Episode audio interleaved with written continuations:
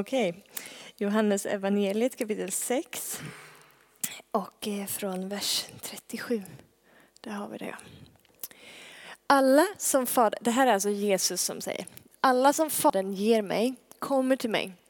Och den som kommer till mig ska jag aldrig visa bort. Jag har inte kommit ner från himlen för att göra min egen vilja, utan hans vilja som har sänt mig. Och detta är hans vilja som har sänt mig att jag inte ska förlora någon enda av alla dem som han har gett mig, utan låta dem uppstå på den yttersta dagen.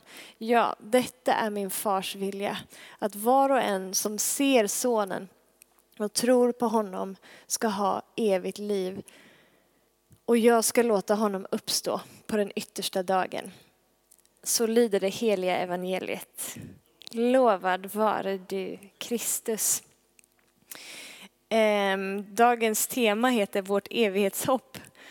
Ehm, nu har vi precis passerat allhelgona helgen här som också har blivit eh, uppblandad med halloween ehm, som jag inte riktigt förstår mig på. Det, blir så, det, det står ju en otrolig kontrast liksom mellan det som är vår, vårt kristna hopp liksom, och sen så det som någon människa har kommit på att ja, låt oss göra en högtid där vi firar döden och bedrövelsen som man nu gör på halloween. Medan vi kristna faktiskt under alla helgon och helgen kan få fira ljuset och livet och att det finns ett evighetshopp och att det finns en uppståndelse från de döda. Snacka om skilda världar. Varje dag när jag åker spårvagn till och från eh, jobbet så åker jag förbi en kyrkogård och eh, över ingången, en av ingångarna till, till den här kyrkogården så står det en stor fet text där, tänk på döden. Och det där åker jag förbi varje dag och varje gång jag ser det så bara det känns inte så himla uppmuntrande liksom. Tänk på döden. Helt plötsligt så bara blev alla deprimerade som inte redan var det liksom. Eh, det känns bara inte super lajbans alltid liksom. Och, men jag brukar inte tänka på döden annat än just de där sekunderna när jag åker förbi det där liksom. Eh, och det kan man ju ställa sig själv frågan då varför, varför jag inte gör och jag, jag tror att det finns eh, ett svar på det, eller det finns säkert flera svar. Men man inser ju på något sätt liksom att ofta när man hör människor prata om döden liksom, så är det kanske äldre personer som står på något sätt vid livets rand och funderar på vad, vad kommer hända sen? Vart, vart tar jag vägen? Liksom, tar det bara slut nu eller finns det någonting efter det här? Eller det är människor som på olika sätt liksom möter död kanske i sina yrkesliv eh, där det blir en del av, av vardagen, att liksom liv tändas och släckas på något sätt. Eh, eller människor som brottas med sjukdom eller sådär. Då, då väcks de här frågorna till liv. Liksom. Då kan man inte, när man, när man ställs inför ett faktum, liksom, att det som är här och nu inte kommer att vara för evigt, så kan man inte längre blunda för att okej, okay, antingen så finns det någonting efter det här, eller så finns det inte. Eh, och Bibeln är ju grymt tydlig med eh, vad Gud, vad Gud säger, liksom, vad, vad som sanningen är enligt Gud. Och det som vi läser då i de här texterna och det som var evangelietexten, eh, så kan vi se någonstans att det här är vad som är på Faderns hjärta. Att vi ska få uppstå och leva i evighet tillsammans med honom. Människan har inte skapats för död. Vi skapades inte för att dö. Eh, när Gud skapar människan och insätter henne liksom i Eden så har ju han skapat henne som en evig varelse för att leva i gemenskap med honom hela tiden. Och så lär Bibeln oss att döden är någonting som kommer in i världen genom syndafallet. Och döden, det som händer då i syndafallet är att livsgemen, människans livsgemenskap med Gud bryts. Så döden är i första hand en andlig företeelse. Men dess yttersta frukt eller yttersta konsekvens är den fysiska döden. Att, att också kroppen dör, det blev också en konsekvens liksom av att av syndafallet. Men först och främst så är det en andlig död, alltså det vill säga separationen av livet tillsammans med Gud som vi var skapade för. Eh, och det var ju inte Guds tanke att det skulle bli så, men det blev så. Men då läser vi liksom i den här evangelietexten då, det som är Faderns hjärta. Jesus säger, jag har inte kommit ner från himlen för att göra min vilja, utan hans vilja, alltså Faderns vilja som har sänt mig. Och detta är hans vilja som har sänt mig. Att jag inte ska förlora någon enda av alla dem som han har gett mig, utan låta dem uppstå på den yttersta dagen. Ja, detta är min fars vilja, att var och en som ser sonen och tror på honom ska ha evigt liv. Och jag ska låta honom uppstå på den yttersta dagen. Gud, jag tror vi har en, det kommer bli lite bibelord här ikväll. Jag hoppas att ni står ut med det. Eller, det är klart ni står ut med det. Dumt sagt. Första Timoteus kapitel 2, vers 4. Gud vill att alla människor ska bli frälsta och komma till insikt om sanningen. Så det här med det eviga livet eller den eviga gemenskapen eller uppståndelsen på den yttersta dagen är inte bara någonting som Gud önskar för några få, utan han önskar det för alla. Eh, och andra Petrusbrevet kapitel 3 och 9 säger så här. Herren dröjer inte med att uppfylla sitt löfte, alltså med att komma tillbaka, som en del menar. Nej, han har tålamod med er eftersom han inte vill att någon ska gå förlorad, utan att alla ska få tid att omvända sig. Han vill att alla alltså ska få del av det eviga livet, gemenskapen tillsammans med honom. Eh, Okej, okay, vi kan ta bort den versen. Kommer ni ihåg, har ni läst att det finns en berättelse om en eh, snubbe som heter Lazarus? Eh, vi kan läsa i Johannes evangeliet. Han är bror till Marta och Maria. Eh, och han dör, i alla fall. Och Marta och Maria de har liksom kallat på Jesus och bett att han ska komma dit eh, för att Lazarus är sjuk. Och de vet att om Jesus lägger händerna på honom så kan, de, eh, så kan han bota honom. Eh, men Jesus dröjer eh, och Lazarus dör. Och sen när Jesus väl kommer dit så har Lazarus legat i graven i fyra dagar redan. De säger att hans, hans kropp har redan börjat lukta. Hela byn är liksom i, i sorg och Marta och Maria är i, i sorg.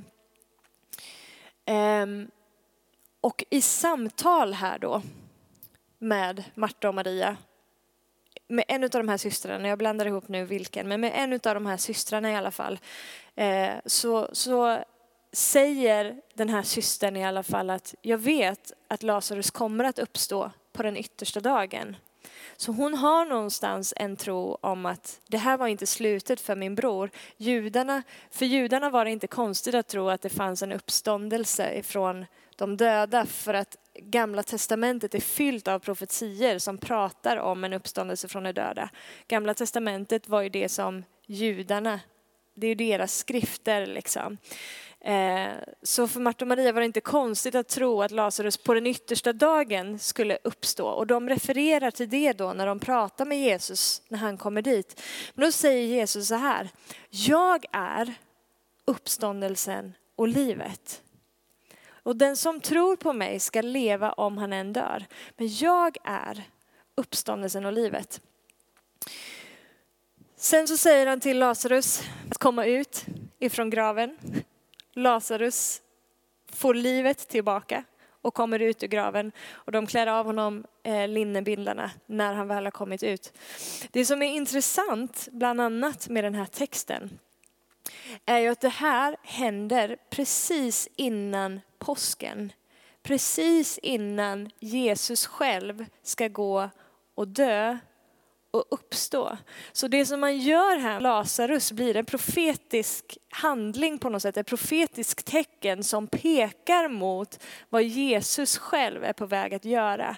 Det som man gör med Lazarus visar liksom att nu, hörni, nu kommer en ny tid där döden faktiskt är besegrad och livet har vunnit. Det här är en bild för er som visar på att en ny ordning i skapelsen här är på väg att, att göra sitt inträde liksom, i och med det som jag kommer göra här nu alldeles strax. Jesus säger också, Johannes 6.35, jag tror inte vi har det där. Jag är livets bröd. Den som kommer till mig ska aldrig hungra och den som tror på mig ska aldrig någonsin törsta. Vers 51 i samma kapitel. Jag är det levande brödet som har kommit ner från himlen. Äter av det brödet ska leva i evighet. Och brödet som jag ger är mitt kött för att världen ska leva. Och sen står det så här i Johannes 17 och vers 3. Och detta är det eviga livet. Att de känner dig, den enda sanne guden och den som du har sänt, Jesus Kristus. Detta är det eviga livet. Att de känner dig. Att de känner dig. Det här visar ju oss att det eviga livet inte bara är någonting som, som börjar när vi har dött. Liksom. För vi lär ju inte känna Gud först när vi har dött. Vi lär ju känna Gud här och nu. Detta är det eviga livet. Att de känner dig. Så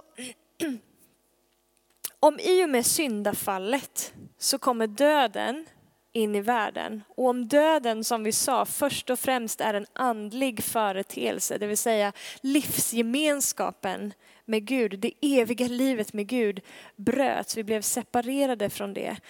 Så händer det någonting här nu när Jesus dör på korset och när han uppstår.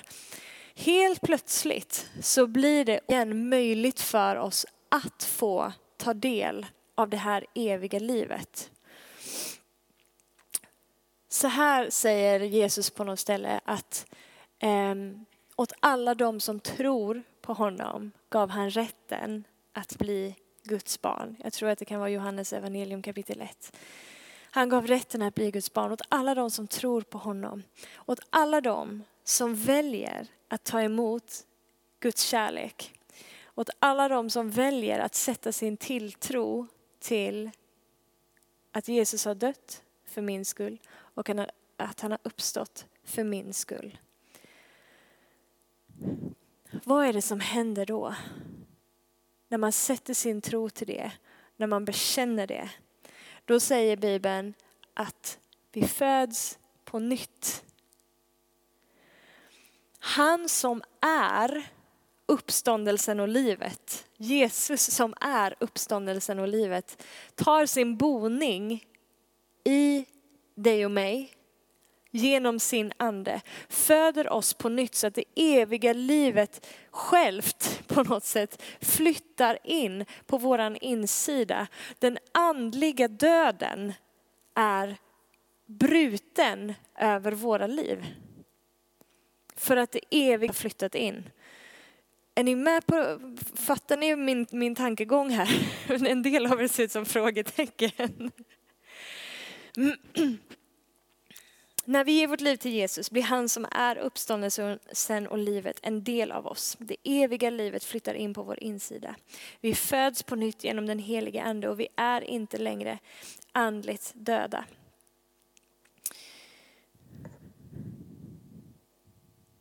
Om man pratar om att döden, syndens konsekvens, liksom, syndens lön är döden. Om man pratar om att det i första hand är en andlig eh, företeelse. Det är också en fysisk företeelse för att våra kroppar som människor, vi dör liksom. Men om det i första hand är en andlig företeelse, då innebär det alltså att vi kan, även när vi lever här på jorden, uppleva död på våran insida.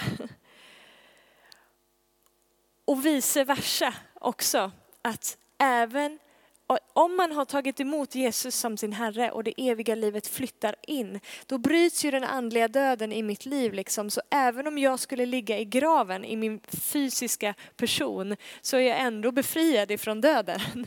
Jag, jag, jag upplever inte andlig död längre för att det eviga livet är där. Jag hörde någon som eh, eh, någon sån här kändis i USA som har blivit lite i ropet nu för att han har blivit frälst och han pratar om Jesus och så är det en massa kristna som liksom sätter sig till doms över det där och tycker liksom att nej men är det där verkligen på riktigt och bla bla bla. Det har jag ingenting att säga om, men han sa i alla fall så här, för det var någon som frågade honom, vad skulle du säga liksom, till ditt försvar när folk frågar om, om det som du säger har hänt i ditt liv nu när du har blivit frälst? Vad skulle du säga till ditt försvar då när de ifrågasätter det? Och då så sa han att, ja men, skulle du själv liksom säga att när du nu är du vaken och du är uppe och håller på och grejar liksom. Och sen på kvällen så går du och lägger dig och somnar. Skulle du säga att det är två olika tillstånd? Att du går från ett tillstånd till ett annat? Ja, säger ju alla människor. Och då sa han att ja, samma sak skulle jag vilja säga eh, händer när man går från att inte vara frälst till att bli frälst. Innan så är du a walking dead, sa han. Men när du blir frälst så är du alive and walking. Du kan leva men uppleva död på insidan. Men du kan också leva och uppleva liv på insidan. För att den andliga dödens udd bruten när han som är uppståndelsen och livet flyttar in eh, i oss. Den fysiska döden, alltså att vi faktiskt dör, vi kan ju inte, det kan vi inte komma bort ifrån, den, den vägen ska vi alla gå. Den fysiska döden är ännu inte till intet jord eftersom att denna tidsålder fortfarande består. Alltså det som vi lever i här och nu. Men den andliga döden har blivit till intet jord i och genom Jesu uppståndelse. Och den här andliga uppståndelsen då, som vi kan få uppleva redan här och nu. Eh, så här har jag skrivit, det innebär att vi redan här i våran fysiska kropp kan leva i den verklighet som nu är i Kristus. Där synden inte regerar över oss, där vi har liv i överflöd, där vi upplever frihet, där vi inte är slavar, där vi får vara fyllda av Guds kärlek och kraft och inte med fruktan. Det är resultatet av Jesu död och uppståndelse och att det eviga livet flyttar in i oss redan här och nu. Ni ska få lite bibeltexter på det. Eh, Poletten trillar ner lite längre. Efesebrevet kapitel 2 1. Också er har Gud gjort levande, ni som var döda genom era överträdelser och synder. Och ni som var döda genom era överträdelser och synder, också er har Gud gjort levande. Jag kan ta nästa. Efesierbrevet 2, vers 4-6. Eh, men Gud som är rik på barmhärtighet har älskat oss med så stor kärlek, även när vi ännu var döda genom våra överträdelser, att han har gjort oss levande med Kristus. Av nåd är ni frälsta. Han har uppväckt oss med honom och satt oss med honom i den himmelska världen i Kristus Jesus. Han har uppväckt oss med honom. Satt oss i sig själv i den himmelska världen i Kristus Jesus. Så det är som att vi lever i två världar. Liksom. Vi lever här och nu, vi lever i våra fysiska kroppar, men i våran ande så är det en annan verklighet. Där är det något annat som har hänt, för där lever Kristus själv liksom, genom sin ande i oss. Och vi har vårt medborgarskap tillsammans med honom i den himmelska världen. Så vi är kopplade med den himmelska världen, med den eviga världen, med det eviga livet, det eviga riket, samtidigt lever i den jordiska världen, i den här materiella världen. Vi kan ta nästa bibeltext. Det är från Romarbrevet kapitel 6 och vers 3 till 5. Eller vet ni inte att vi alla som är döpta till Kristus Jesus är döpta till hans död? Det här är alltså vad som händer i, i dopet. Vi identifierar oss med verkligheten av Jesu död och hans uppståndelse. Vi är begravda med honom genom dopet till döden för att leva det nya livet. Liksom Kristus är uppväckt från de döda genom Faderns härlighet. För om vi är förenade med honom i en död som hans ska vi också vara det i en uppståndelse som hans. Så en andlig död och uppståndelse har på något sätt redan ägt rum på, på vår insida. Det här visar att vi redan nu lever tillsammans med honom. Döden råder inte längre på vår insida. Andligt sett så är döden bruten på vår insida. Men på den yttersta dagen som, som Bibeln pratar mycket om och bland annat i den evangelietexten som vi läste så säger Jesus att på den yttersta dagen ska jag låta dem uppstå. Så det är någonting som har hänt redan nu på vår insida andligt sett. Men det är också någon som kommer att hända. På den yttersta dagen när Jesus kommer tillbaka för att döma levande och döda och sen kommer att göra allting nytt igen, skapa en ny himmel och en ny jord. På den dagen, då kommer även den fysiska uppståndelsen att inträffa. Eh, och vi läste lite om det från eh, den eh, versen i Korinthierbrevet där som, som var dagens text. Men så här har jag skrivit. På den yttersta dagen kommer Gud att göra slut på det sista av döden. Alltså även den fysiska döden kommer göras om intet.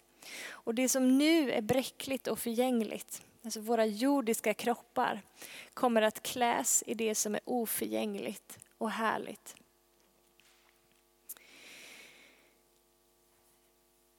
Ska vi läsa från andra Korinthierbrevet eh, kapitel 5 och vers 1-9. Ja. Vi vet att om vårt jordiska tält, alltså vår jordiska kropp, rivs ner så har vi en byggnad från Gud, en evig boning i himlen som inte är gjord av människohand. Därför suckar vi i vårt tält och längtar att få iklä oss vår himmelska boning, alltså våra himmelska. Eh, för när vi väl är klädda i den så ska vi inte stå där nakna. Ja, vi som bor i detta tält suckar tungt. Vi vill ju inte bli avklädda utan påklädda, så att det som är dödligt uppslukas av livet. Och den som har berett oss för just detta är Gud, han som har gett oss anden som en garant. Därför är vi alltid vid gott mod, även om vi vet att vi är borta från Herren så länge vi är hemma i kroppen. Vi lever här i tro utan att se. Men vi är ändå vid gott mod och skulle hellre flytta bort från kroppen och vara hemma hos Herren. Därför sätter vi en ära i att vara till behag för honom, vare sig vi är hemma eller borta. Vi lever här i tro utan att se. Alltså vi lever i tro om att det kommer en uppståndelse från de döda. En faktisk också fysisk uppståndelse från de döda. Hur kan vi leva i tro på det? Jo, som den här versen sa, anden i oss är en garant, är en garanti för det som kommer att hända. Eftersom att det eviga livet redan har flyttat in på vår insida och den andliga döden redan är bruten i våra liv så vittnar om att det en dag kommer att fullbordas där till och med den fysiska döden uppslukas av livet. Och det kommer någonting där död inte överhuvudtaget ska finnas längre.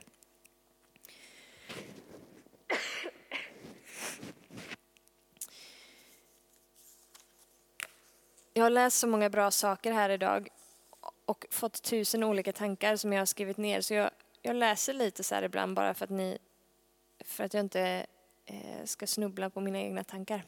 Redan nu är den andliga döden bruten genom Jesu verk och kommer alla dem till del som sätter sin tro till Jesus. Och på den yttersta dagen, när Jesus kommer att till intet göra det sista av syndens makt och bryta dödens udd, göra allting nytt, då kommer även vi de som redan har insomnat och de som fortfarande är kvar att uppstå i nya kroppar till ett evigt liv tillsammans med Gud. Så det är som att på den yttersta dagen så kommer det liv som vi nu lever med Kristus, det som på något sätt är osynligt, liksom. det som har hänt på våran insida och den verkligheten som vi lever i tillsammans med Kristus i det himmelska. På den yttersta dagen så kommer det ut att bli synligt. Det kommer också att ta sig fysisk gestalt. Liksom. Det kommer att ta sig fysisk gestalt i våra kroppar och kommer inte längre vara i, i det fördolda.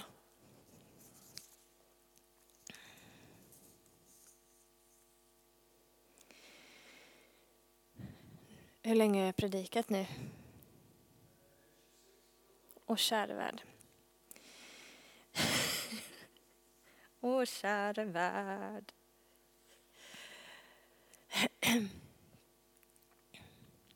Så här, jag var inne på i början att jag funderar inte alltid så himla mycket över döden liksom, och vad som ska hända i livet efter detta. Och jag vet inte hur det är med dig. Du kanske funderar jättemycket på det, eller så gör du inte det. Men ibland så möter vi olika situationer som bara konfronterar oss med det här. Liksom. Eh, men jag tror att en av anledningarna till, förmodligen fler än jag, men i alla fall jag, inte tänker på det här så mycket, det är att jag blir så uppslukad av livet som är här och nu och det materiella. Liksom. Jag har det lite för bra, helt enkelt. Jag har det så otroligt bra så att jag, jag tvingas inte inom situationstecken, eller vad jag nu ska använda för ord, mitt hopp till någonting som är ännu bättre. Jag, jag vet ju att det kommer någonting som är ännu bättre. Men ibland så blir jag så förblindad av det som är i den här världen att, att min sikt blurras och jag tappar perspektivet. Liksom.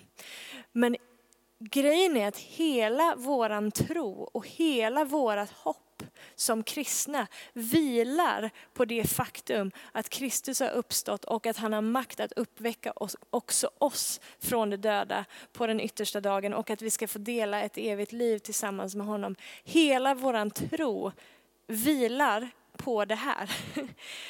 Ehm, märkligt ibland då att man liksom fullständigt tappar perspektivet på det som faktiskt väntar och det som är hela vårt grundläggande hopp och hela vår motivation till varför vi överhuvudtaget lever som kristna nu. Paulus säger att om, om Kristus inte har uppstått, liksom, då, är, då är vår predikan meningslös och er tro är också meningslös. Jag tror vi har en till vers på det där. Men om Kristus inte har uppstått, då är er tro meningslös och ni är fortfarande kvar i era synder. Han säger någonting i stil med också i någon vers att ni, ni är det ömkligaste av alla människor.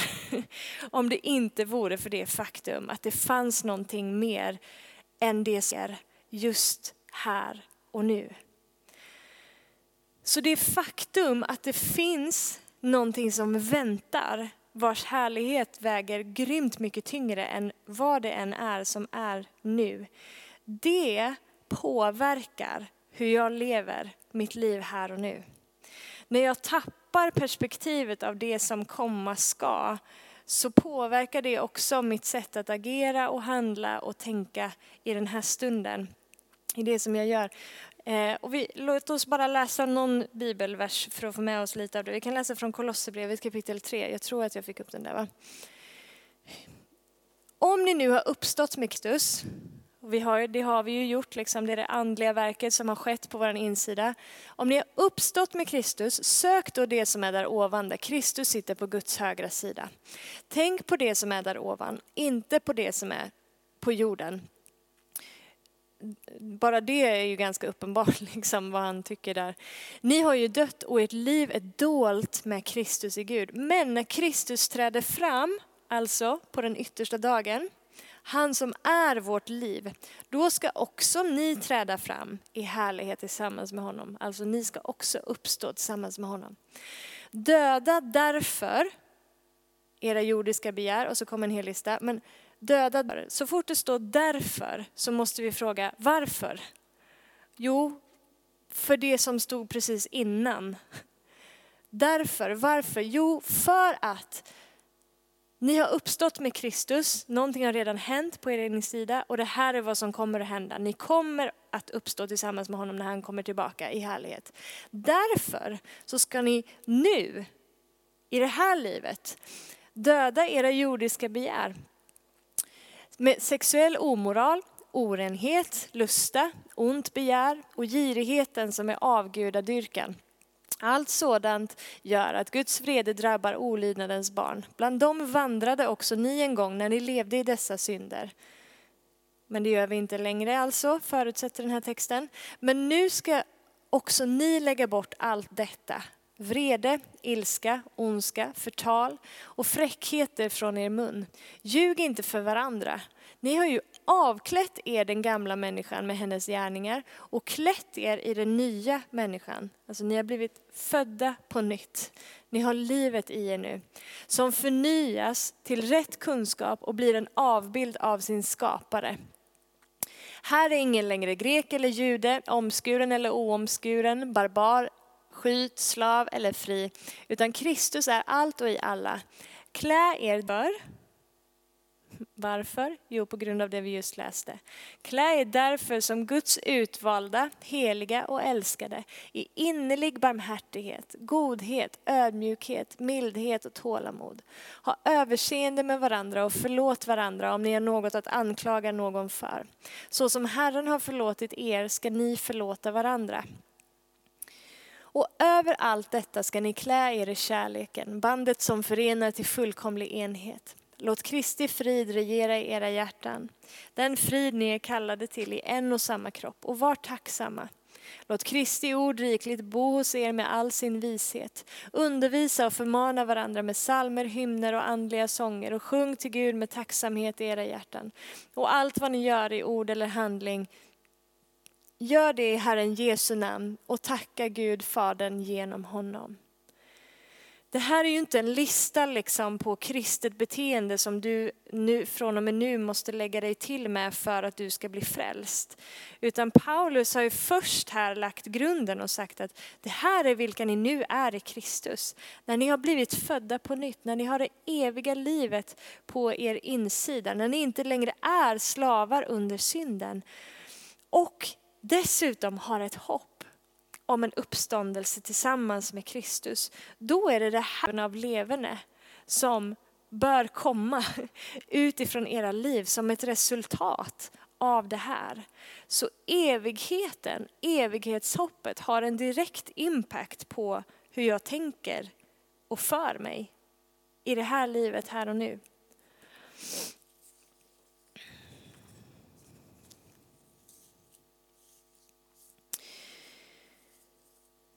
Så här vill jag säga, löftet om en uppståndelse ifrån de döda vilar inte på våra gärningar. Alltså det vilar inte på en sån här lista som vi nyss läste. Utan det vilar på evangeliets nåd. Det vilar på Jesu verk.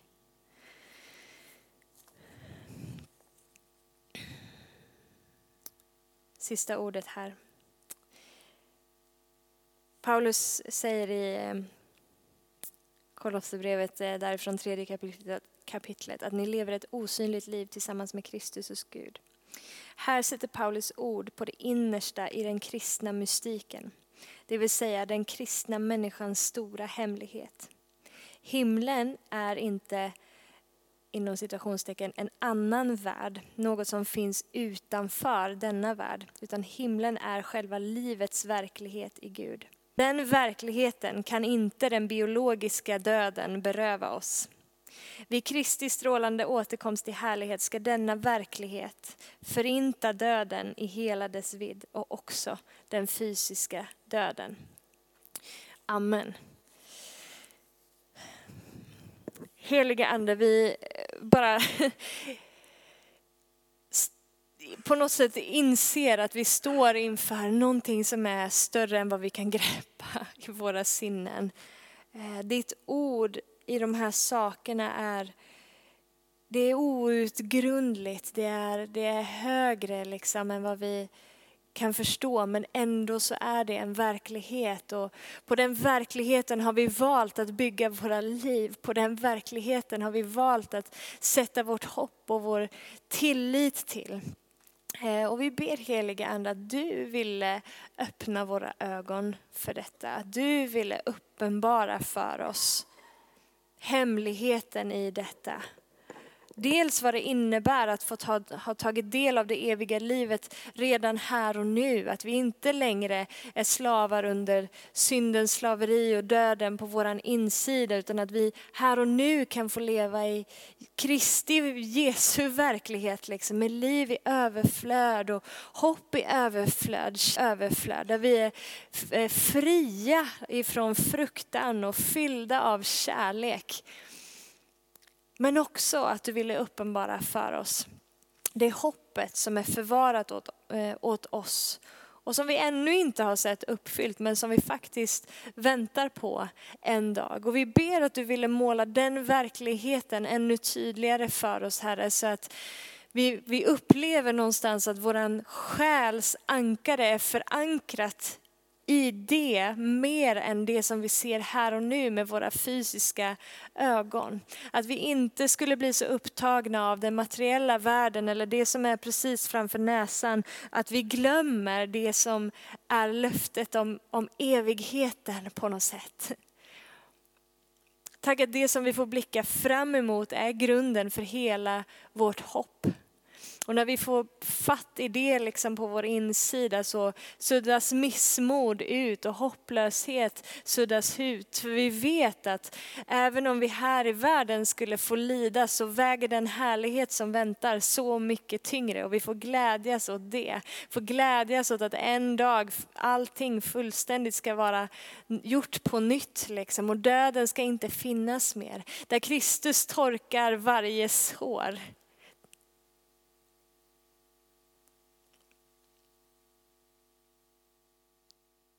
I Jesu namn.